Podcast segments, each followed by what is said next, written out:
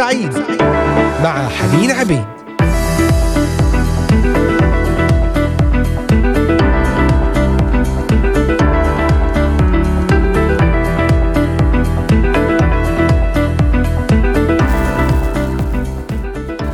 أهلا وسهلا بكم جميعا أحبائي المستمعين مستمعي إذاعة صوت الأمل ومستمعي برنامج نهاركم سعيد. أرحب بكم أجمل ترحيب في هذا الوقت. من هنا من الأراضي المقدسة. من إذاعة صوت الأمل معكم حنين عبيد وحلقة جديدة. الساعة الواحدة وثمان دقائق بتوقيت الأراضي المقدسة. أهلا بكم أينما كنتم تستمعون إلينا من مختلف بلدان الشرق الأوسط بلدان أوروبا كندا أمريكا أستراليا. أرحب بكم على صفحة الفيسبوك إذاعة صوت الأمل وأيضا على منصتي التليجرام والإنستغرام Voice of Hope. كذلك على قناة اليوتيوب إذاعة صوت الأمل بث مباشر وعلى تطبيقات الهواتف النقالة Voice of Hope Middle East. أهلا بكم على منصات البودكاست المختلفة للاستماع إلى حلقات برنامج نهاركم سعيد وحلقات برامجنا الأخرى على سبوتيفاي ديزر أمازون ميوزك كاست بوكس أبل وجوجل بودكاست ومنصة بودفاين موضوع حديثنا لهذا اليوم هو التغير عن طريق الحق الحق المعلن في كلمة الله. قال الرب يسوع المسيح في إنجيل متى الأصحاح الرابع في تجربته في البرية مكتوب ليس بالخبز وحده يحيا الإنسان بل بكل كلمة تخرج من فم الله. وقال في سفر أعمال الرسل أيضا الأصحاح العشرين ولكلمة نعمته القادرة أن تبنيكم وتعطيكم ميراثا مع جميع القديسين. إذا الحق يغيرنا. النمو الروحي هو عملية إحلال وإبدال. النمو الروحي هو عملية إحلال وإبدال. ماذا يعني ذلك؟ حيث يدخل الحق فيطرد الأكاذيب. فقد صلى يسوع قدسهم في حقك. كلامك هو حق ويتطلب هذا التقديس إعلانا إن روح الله يستخدم كلمة الله ليجعلنا مشابهين لابن الله. روح الله يستخدم كلمة الله ليجعلنا مشابهين لابن الله. وحتى نشابه يسوع علينا أن نملأ حياتنا بكلمته. إذ يقول الكتاب المقدس لكي يكون إنسان الله كاملا متأهبا لكل عمل صالح. إن كلمة الله ليست مثل أي كلام آخر لكنها كلمة حية. فقد قال يسوع الكلام الذي أكلمك به هو روح وحياة. فعندما يتكلم الله تتغير الأشياء. تتغير حياتنا تتغير أمورنا كلها. إن كل شيء يوجد من حولك كل الخليقه موجود لأن الله تكلم به. تكلم بكل شيء للوجود وبدون كلمة الله لما كنت أنت نفسك حيا. يشير يعقوب الرسول إلى أن الله شاء فولدنا بكلمة الحق لكي نكون باكورة من خلائقه. اذا الكلمة تغير الحق يغير. قل له يا رب غيرني في هذا الوقت. تكلم معي. اعلن حقك لحياتي لذهني لروحي لأعماقي. باسم الرب يسوع المسيح. تعالوا نستمع إلى هذه الترنيمة ونعود لنكمل في موضوع حلقتنا لهذا اليوم.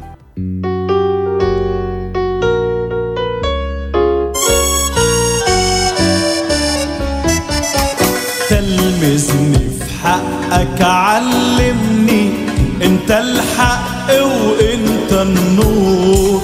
حياتي تكبر في مشيئتك مسرور تلمذني في حقك علمني. انت الحق وانت النور. حياتي تكبر في مشيئتك وبقربك عايش مسرور. نور عيني بنور الكلمة. ثبت قلبي بمجد ونعمة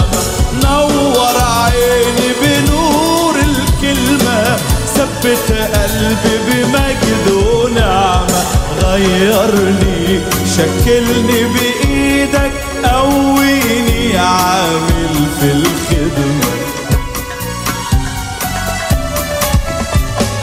افتح ذهني على المكتوب أتأصل وثماري تبان ثبت عيني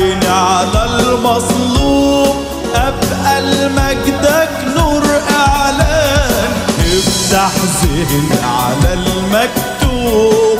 أتأصل وثماري تبان. ثبت عيني على المظلوم. أبقى لمجدك نور إعلان. نور عيني بنور الكلمة. ثبت قلبي بمجد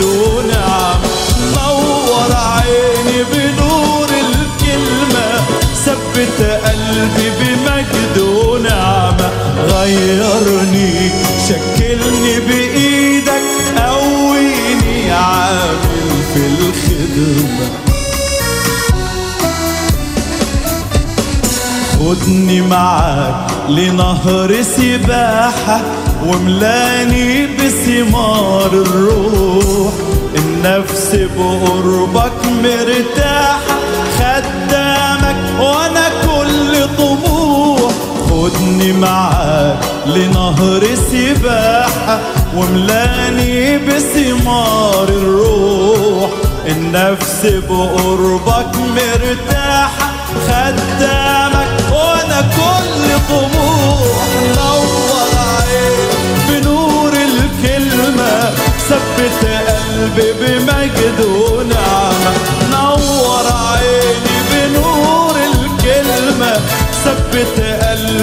بمجد ونعمة غيرني شكلني بإيدك قويني عامل في الخدمة.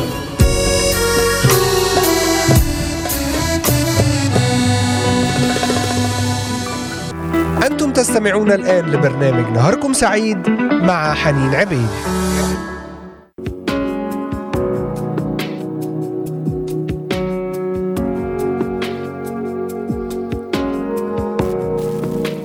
عدنا إليكم أحبائي المستمعين بعد هذه الترنيمة المباركة مع المرنم فايز عدلي تلمذني في حقك. ونتحدث اليوم عن التغير عن طريق الحق المعلن في كلمة الله. الكتاب المقدس هو أكثر جدا من مجرد دليل عقائدي. كلمة الله تولد الحياة وتخلق الإيمان وتحدث التغيير وترعب الشيطان وتصنع المعجزات وتشفي الجروح وتبني الشخصية وتغير الظروف وتمنح الفرح وتتغلب على المحن وتهزم التجارب وتجلب الرجاء وتطلق القوة وتطهر أذهاننا وتوجد الأشياء وتضمن مستقبلنا إلى الأبد. ما أروع عمل الكتاب المقدس. فلن تستطيع الحياة بدون كلمة الله.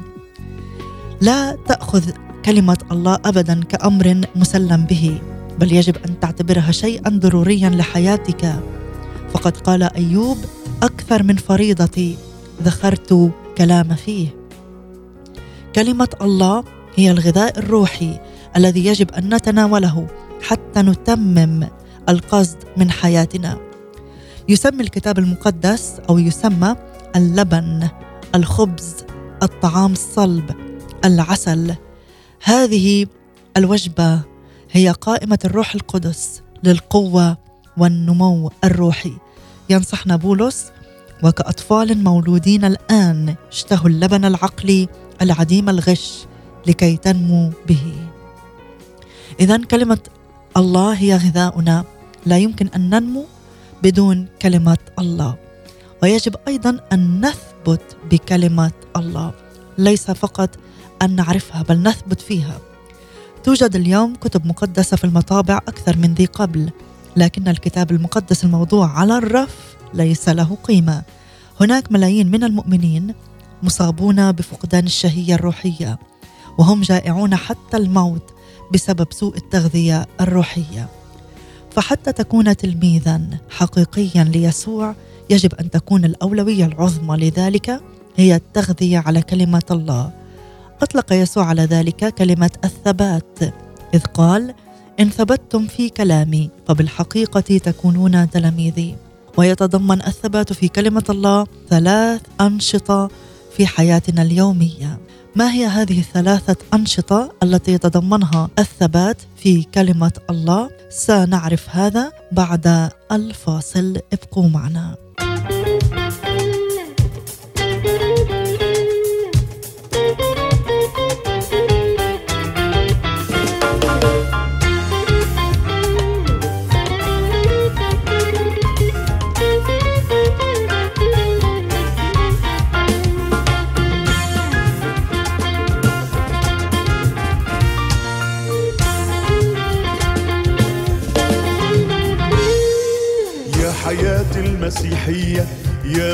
الحياة يا ديانة الحقيقية يا رسالة السماء حياة المسيحية يا مسيح الحياة يا ديانة الحقيقية يا رسالة السماء. قبلك لا إله بعدك لا إله قبلك لا إله.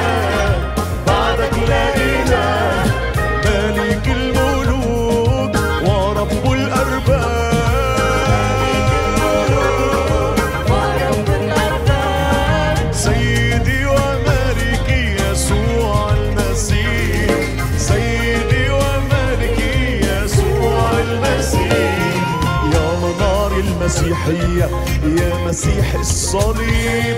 بالمحبة الإلهية والخلاص العجيب يا يا مسيح الصليب. المحبة الإلهية والخلاص العجيب. لا غفران خطا لا نروح سماء.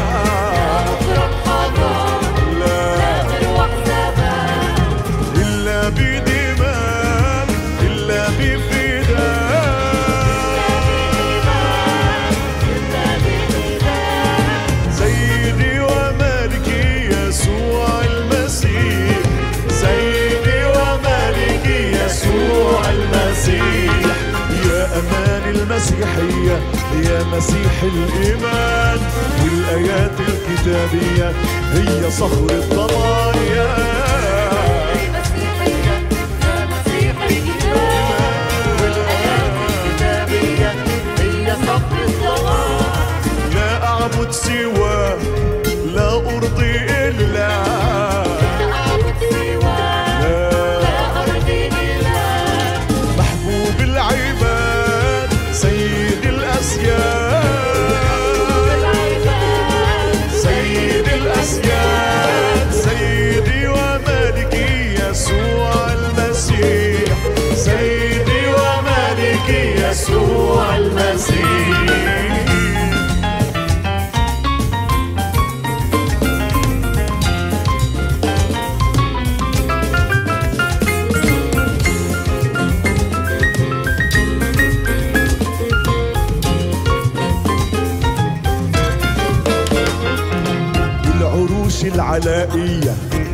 بالتقديسات والجنود السماوية هلا بالتسبيحات. العلائية جاية بالتقديسات. والجنود السمائية هلا بالتسبيحات. تعلن أن لا معبود سواك معبود سواك ننحني سجود لرب الجنود لرب الجنود قدوس قدوس أنت قدوس الإله. قدوس قدوس أنت قدوس الإله. سيدي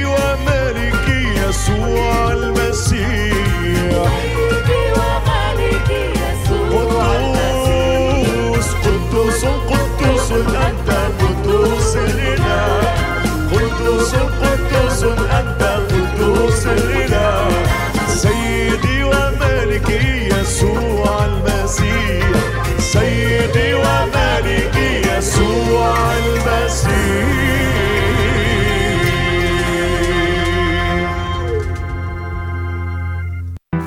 أنتم تستمعون الآن لبرنامج نهاركم سعيد مع حنين عبيد.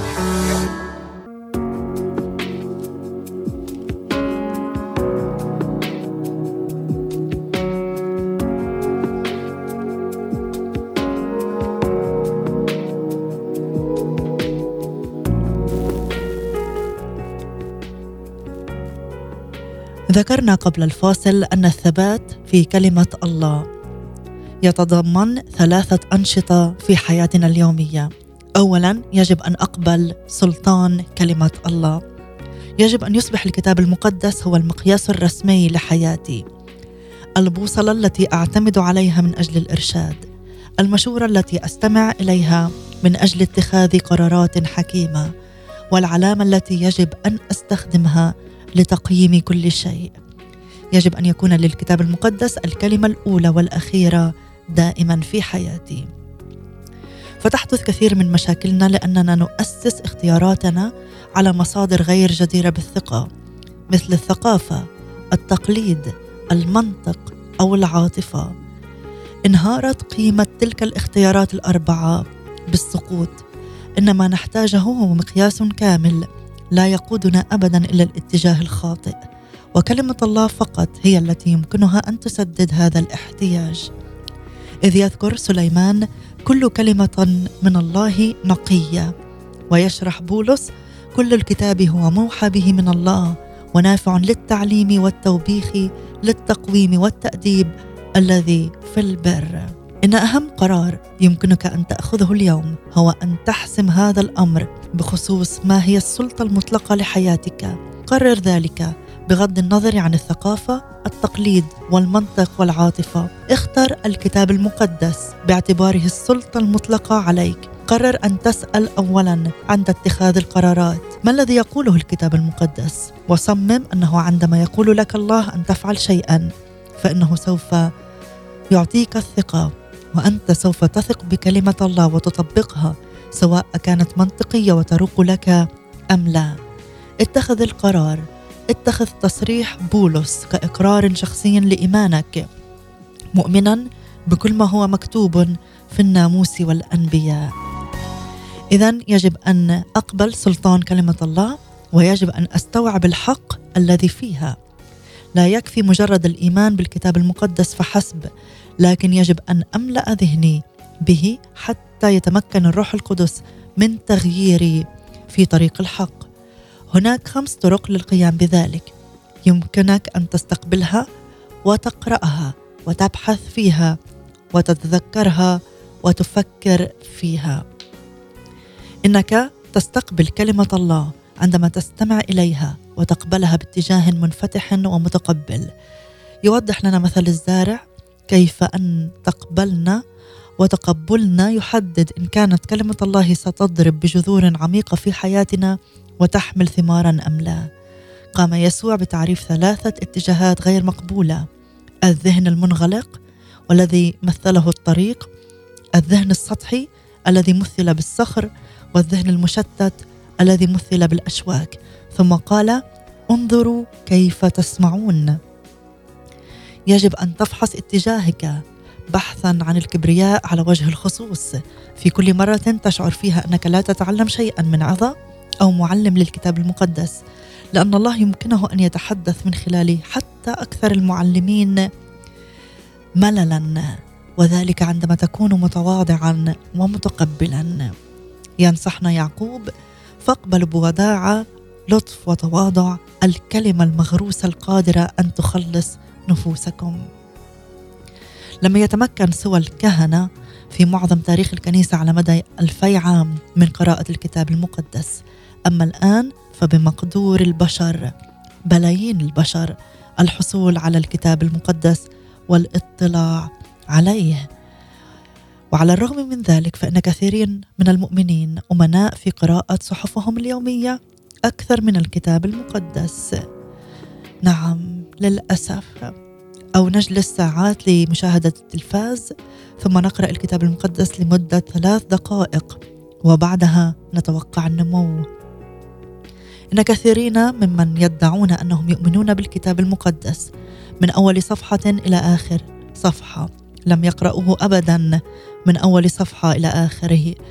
لكنك لو قرأت الكتاب المقدس فقط خمسة عشر دقيقة يوميا تكون عندئذ قد قرأته بالكامل مرة واحدة في العام. ولو اقتطعت ثلاثين ثانية أو دقيقة من برنامج تلفزيوني وقرأت بدلا منه كتابك المقدس تكون قد قرأت الكتاب بأكمله مرتين في العام. إن القراءة اليومية للكتاب المقدس سوف تحفظك على موجة صوت الله. لذلك كان الله يأمر ملوك إسرائيل أن يحتفظوا دائما بنسخة من كلمته بالقرب منهم. فتكون معه ويقرأ فيها كل أيام حياته. لا تكتفي بمجرد الاحتفاظ به بالقرب منك ولكن اعكف على قراءته بانتظام.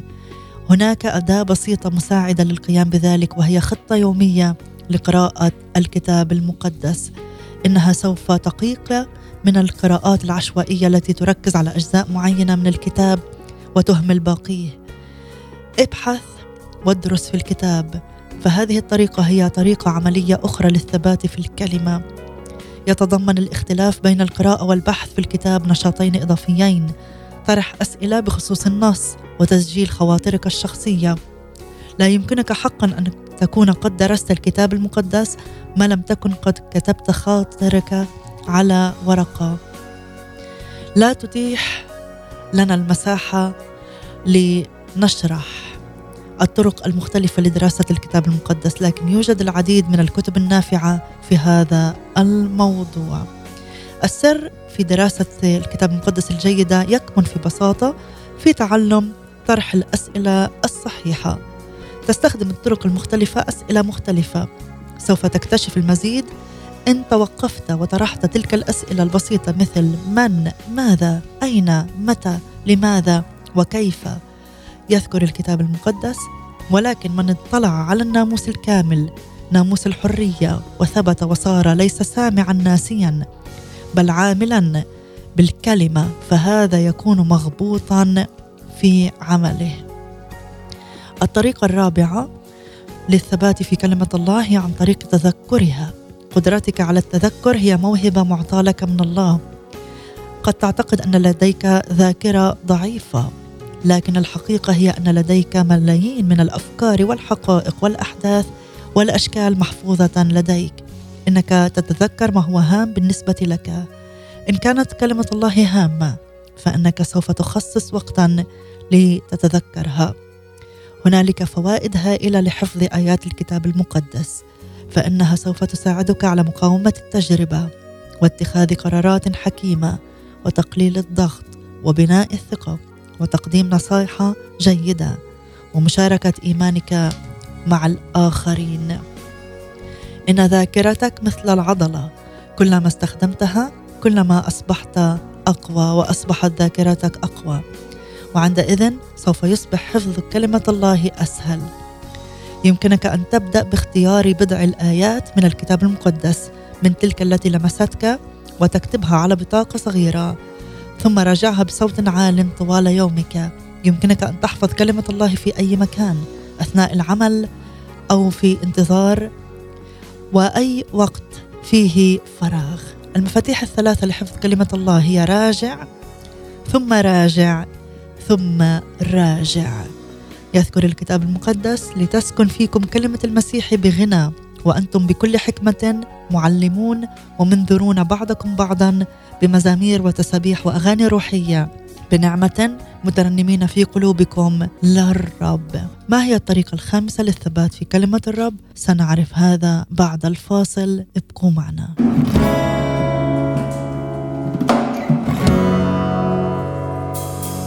ترتج الجبال من صوتك يا الله.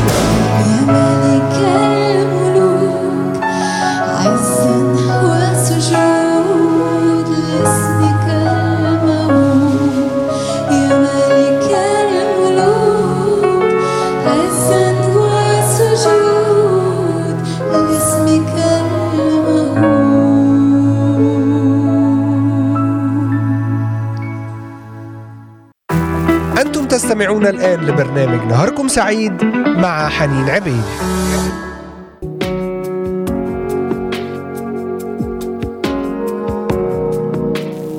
طريقة أخرى للثبات في كلمة الله هي التفكير فيها ويدعو الكتاب المقدس هذه الطريقة التأمل. فكرة التأمل بالنسبة لكثيرين تستحضر صورا لوضع ذهنك على الحياد والسماح له بالتيه وذلك هو العكس تماما للتأمل الكتابي. فالتأمل هو التفكير المركز وذلك يتطلب مجهودا جادا إذ أنك تنتقي آية وتفكر فيها مرات ومرات في ذهنك. إن كنت تعرف كيف تقلق فإنك تعرف بالفعل كيف تتأمل. القلق هو التفكير المركز على شيء سلبي. أما التأمل فهو القيام بنفس الأمر فيما عدا أن التركيز يكون على كلمة الله. بدلا من مشكلتك. لا يمكن لعادة أخرى أن تغير حياتك وتجعلك أكثر شبها بيسوع سوى التأمل اليومي في كلمة الله. بينما نأخذ وقتا لنتأمل حق الله والتفكير بطريقة جدية على مثال المسيح. فإننا نتغير إلى تلك الصورة عينها من مجد إلى مجد كما من الرب الروح. إذا ألقينا نظرة على كل المرات التي يتكلم فيها الله عن التأمل في الكتاب المقدس فسوف نندهش للفوائد التي وعد بها الله لهؤلاء الذين يقضون وقتا للتأمل في كلمته خلال اليوم. فأحد الأسباب التي دعا الله لاجلها داود رجلا بحسب قلبي هي أن داود كان يحب التأمل في كلمة الله. فقد قال كم أحببت شريعتك اليوم كله هي لهجي. إن التفكير الجاد في الحق الإلهي هو المفتاح للصلاة المستجابة وسر الحياة الناجحة. اذا أول أمر في التغيير عن طريق الحق هو أن أقبل سلطان كلمة الله ويجب أن أستوعب الحق الذي في كلمة الله. وأيضا يجب أن أطبق مبادئ كلمه الله. أطبق مبادئ كلمه الله. القبول والقراءة والبحث والتذكر والتفكير في كلمة الله تكون جميعا بلا فائدة. لو أننا فشلنا في جعلها موضوع تطبيق إذ أننا يجب أن نصبح عاملين بالكلمة. يجب أن نصبح عاملين بالكلمة وتلك هي الخطوة الأكثر صعوبة لأن الشيطان يحاربها بضراوه فهو لا يمانع أن تذهب إلى دروس الكتاب المقدس طالما أنك لا تصنع أي شيء بما تعلمته. يجب علي أن أطبق مبادئ الكتاب المقدس. سوف نعود لنتابع في هذه النقطة بعد هذه الترنيمة. عمري ما إيدك فشلت فيا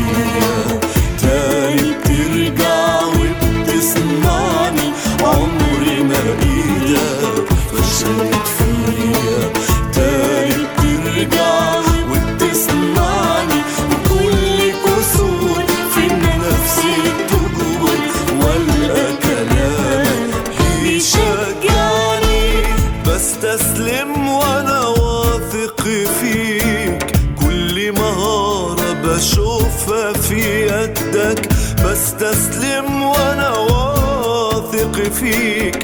كل مهارة بشوفها في يدك زي خزف في إيدين فخاري ومين زيك يا إلهي في صنع عمري ما إيدك فشلت فيا. تاني بترجع وبتسمعني عمري ما إيدك فشلت فيا.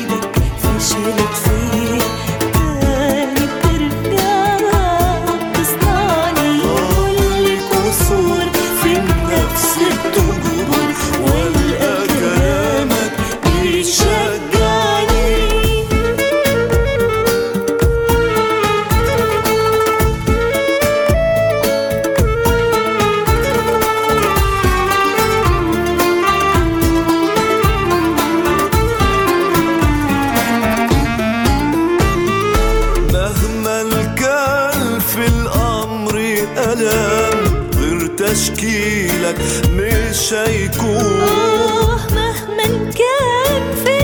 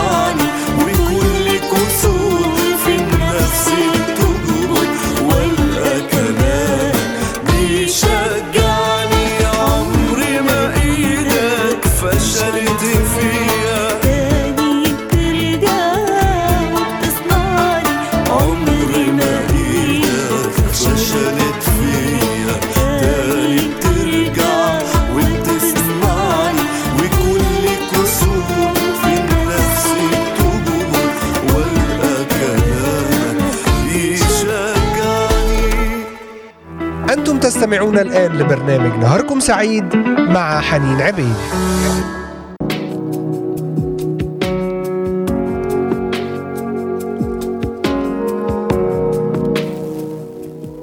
إذا أحبائي كما ذكرنا قبل الفاصل لكي أثبت في كلمة الله يجب أن أقبل سلطان كلمة الله ويجب أن يصبح الكتاب المقدس هو المقياس الرسمي لحياتي وهو الدليل الذي أعتمد عليه في كل قراراتي. وأيضا يجب أن أستوعب الحق الذي في كلمة الله فلا يكفي مجرد الإيمان بالكتاب المقدس فحسب ولكن يجب أن أملأ ذهني به حتى يتمكن الروح القدس من تغييري. وكذلك يجب أن أعمل في مبادئ كلمة الله. يجب أن أطبق مبادئها. يجب أن أطبق مبادئها. فأنا وكلنا نخدع أنفسنا لو افترضنا أننا لمجرد سماعنا أو قراءاتنا أو دراستنا للحق نكون قد أدمجناه في أنفسنا. يمكننا فعليا أن نكون مشغولين جدا في الانتقال إلى ما يلي من فصول أو مدارس أو مؤتمرات للكتاب المقدس حتى أننا لا نجد الوقت لتطبيق ما قد تعلمناه بل أننا ننسى في طريقنا إلى الدراسة الأخرى. تصبح دراستنا للكتاب المقدس بلا قيمة إن لم نكن قد وضعناها موضع التنفيذ. فقد قال يسوع فكل من يسمع أقوالي هذه ويعمل بها أشبهه برجل عاقل بنى بيته على الصخر. كما أشار أيضا إلى أن بركة الله تأتي من جراء طاعة الحق وليس فقط معرفته فقال إن علمتم هذا فطوباكم إن عملتموه. أما السبب الآخر الذي يجعلنا نتجنب التطبيق الشخصي هو أنه قد يكون صعبا بل وحتى مؤلما. إن الحق سوف يحررنا لكنه قد يجعلنا في حزن في البداية لأنه يلمس أعماقنا. فكلمه الله تكشف دوافعنا وتبكتنا وتشير إلى أخطائنا وتوبخنا وتتوقع منا أن نتغير. فالطبيعة البشرية تقاوم التغيير وهكذا فإن تطبيق كلمة الله أمر صعب بالمحاولات البشرية.